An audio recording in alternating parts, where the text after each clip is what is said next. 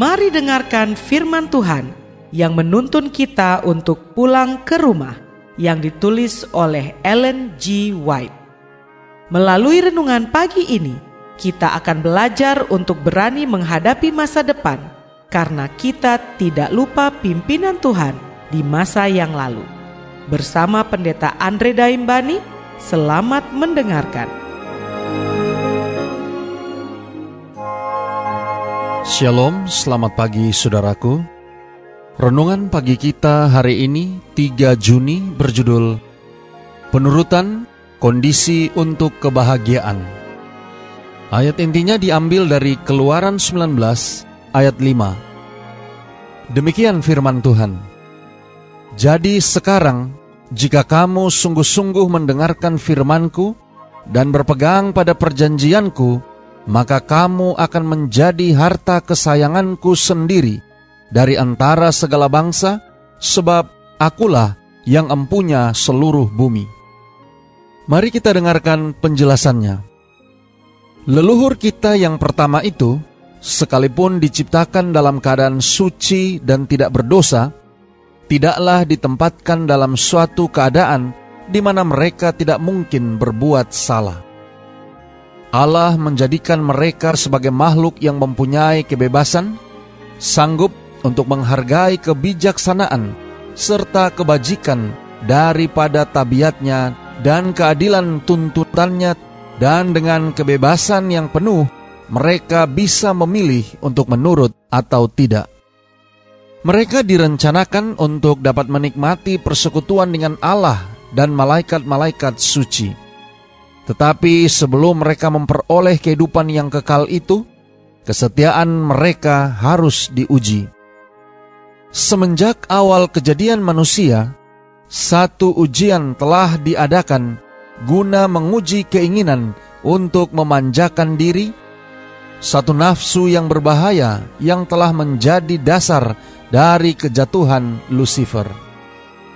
Pohon pengetahuan baik dan jahat tumbuh dekat pohon al-hayat di tengah-tengah taman itu sebagai suatu ujian terhadap penurutan, iman, dan kasih daripada leluhur kita yang pertama.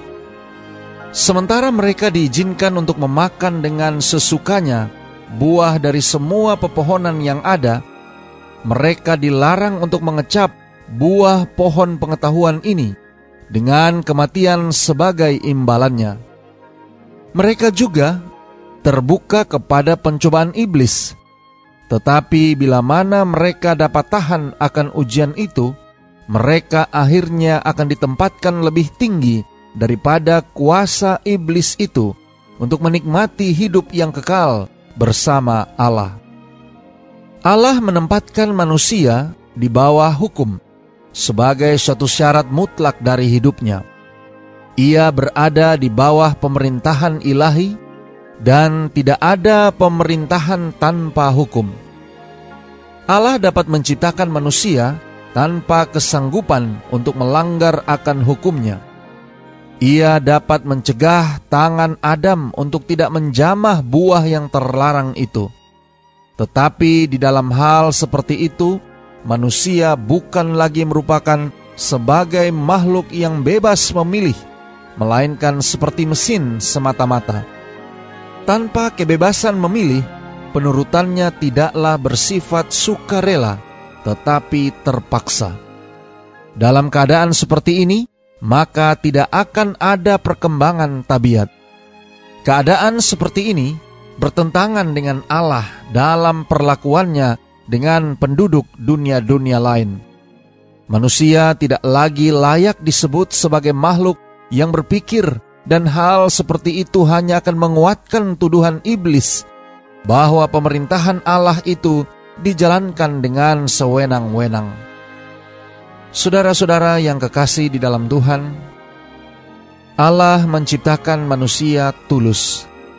Ia memberikan kepadanya sifat-sifat yang agung tanpa kecenderungan untuk berbuat jahat. Ia menganugerahkan dia dengan kuasa berpikir yang tinggi, serta memberikan kepadanya pengaruh-pengaruh yang kuat agar ia tetap setia. Penurutan yang sempurna dan kekal adalah syarat-syarat kebahagiaan yang kekal. Dengan syarat ini, ia mempunyai kebebasan pada pohon al-hayat itu. Alfa dan Omega jilid 1, halaman 41 dan 42. Doa kita hari ini. Bapa terima kasih. Melalui renungan pagi ini, kami boleh belajar tentang penurutan yang merupakan kondisi untuk bahagia. Terima kasih melalui renungan pagi ini kami boleh berkaca, belajar dari pengalaman nenek moyang kami Adam dan Hawa. Tolong kami hari ini Bapa, biarlah dengan pertolongan kuasa roh kudusmu, melalui renungan pagi ini, untuk senantiasa menurut kepada apa yang engkau telah perintahkan kepada kami, dan kami boleh belajar dari pengalaman kejatuhan Adam dan Hawa, sehingga kami boleh senantiasa setia dan menurut kepada Engkau. Terima kasih Bapa.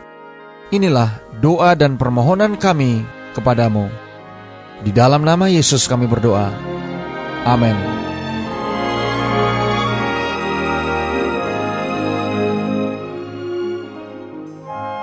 Demikianlah tadi pembahasan tentang pulang ke rumah.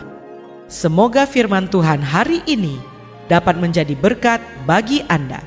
Sampai jumpa, Tuhan memberkati.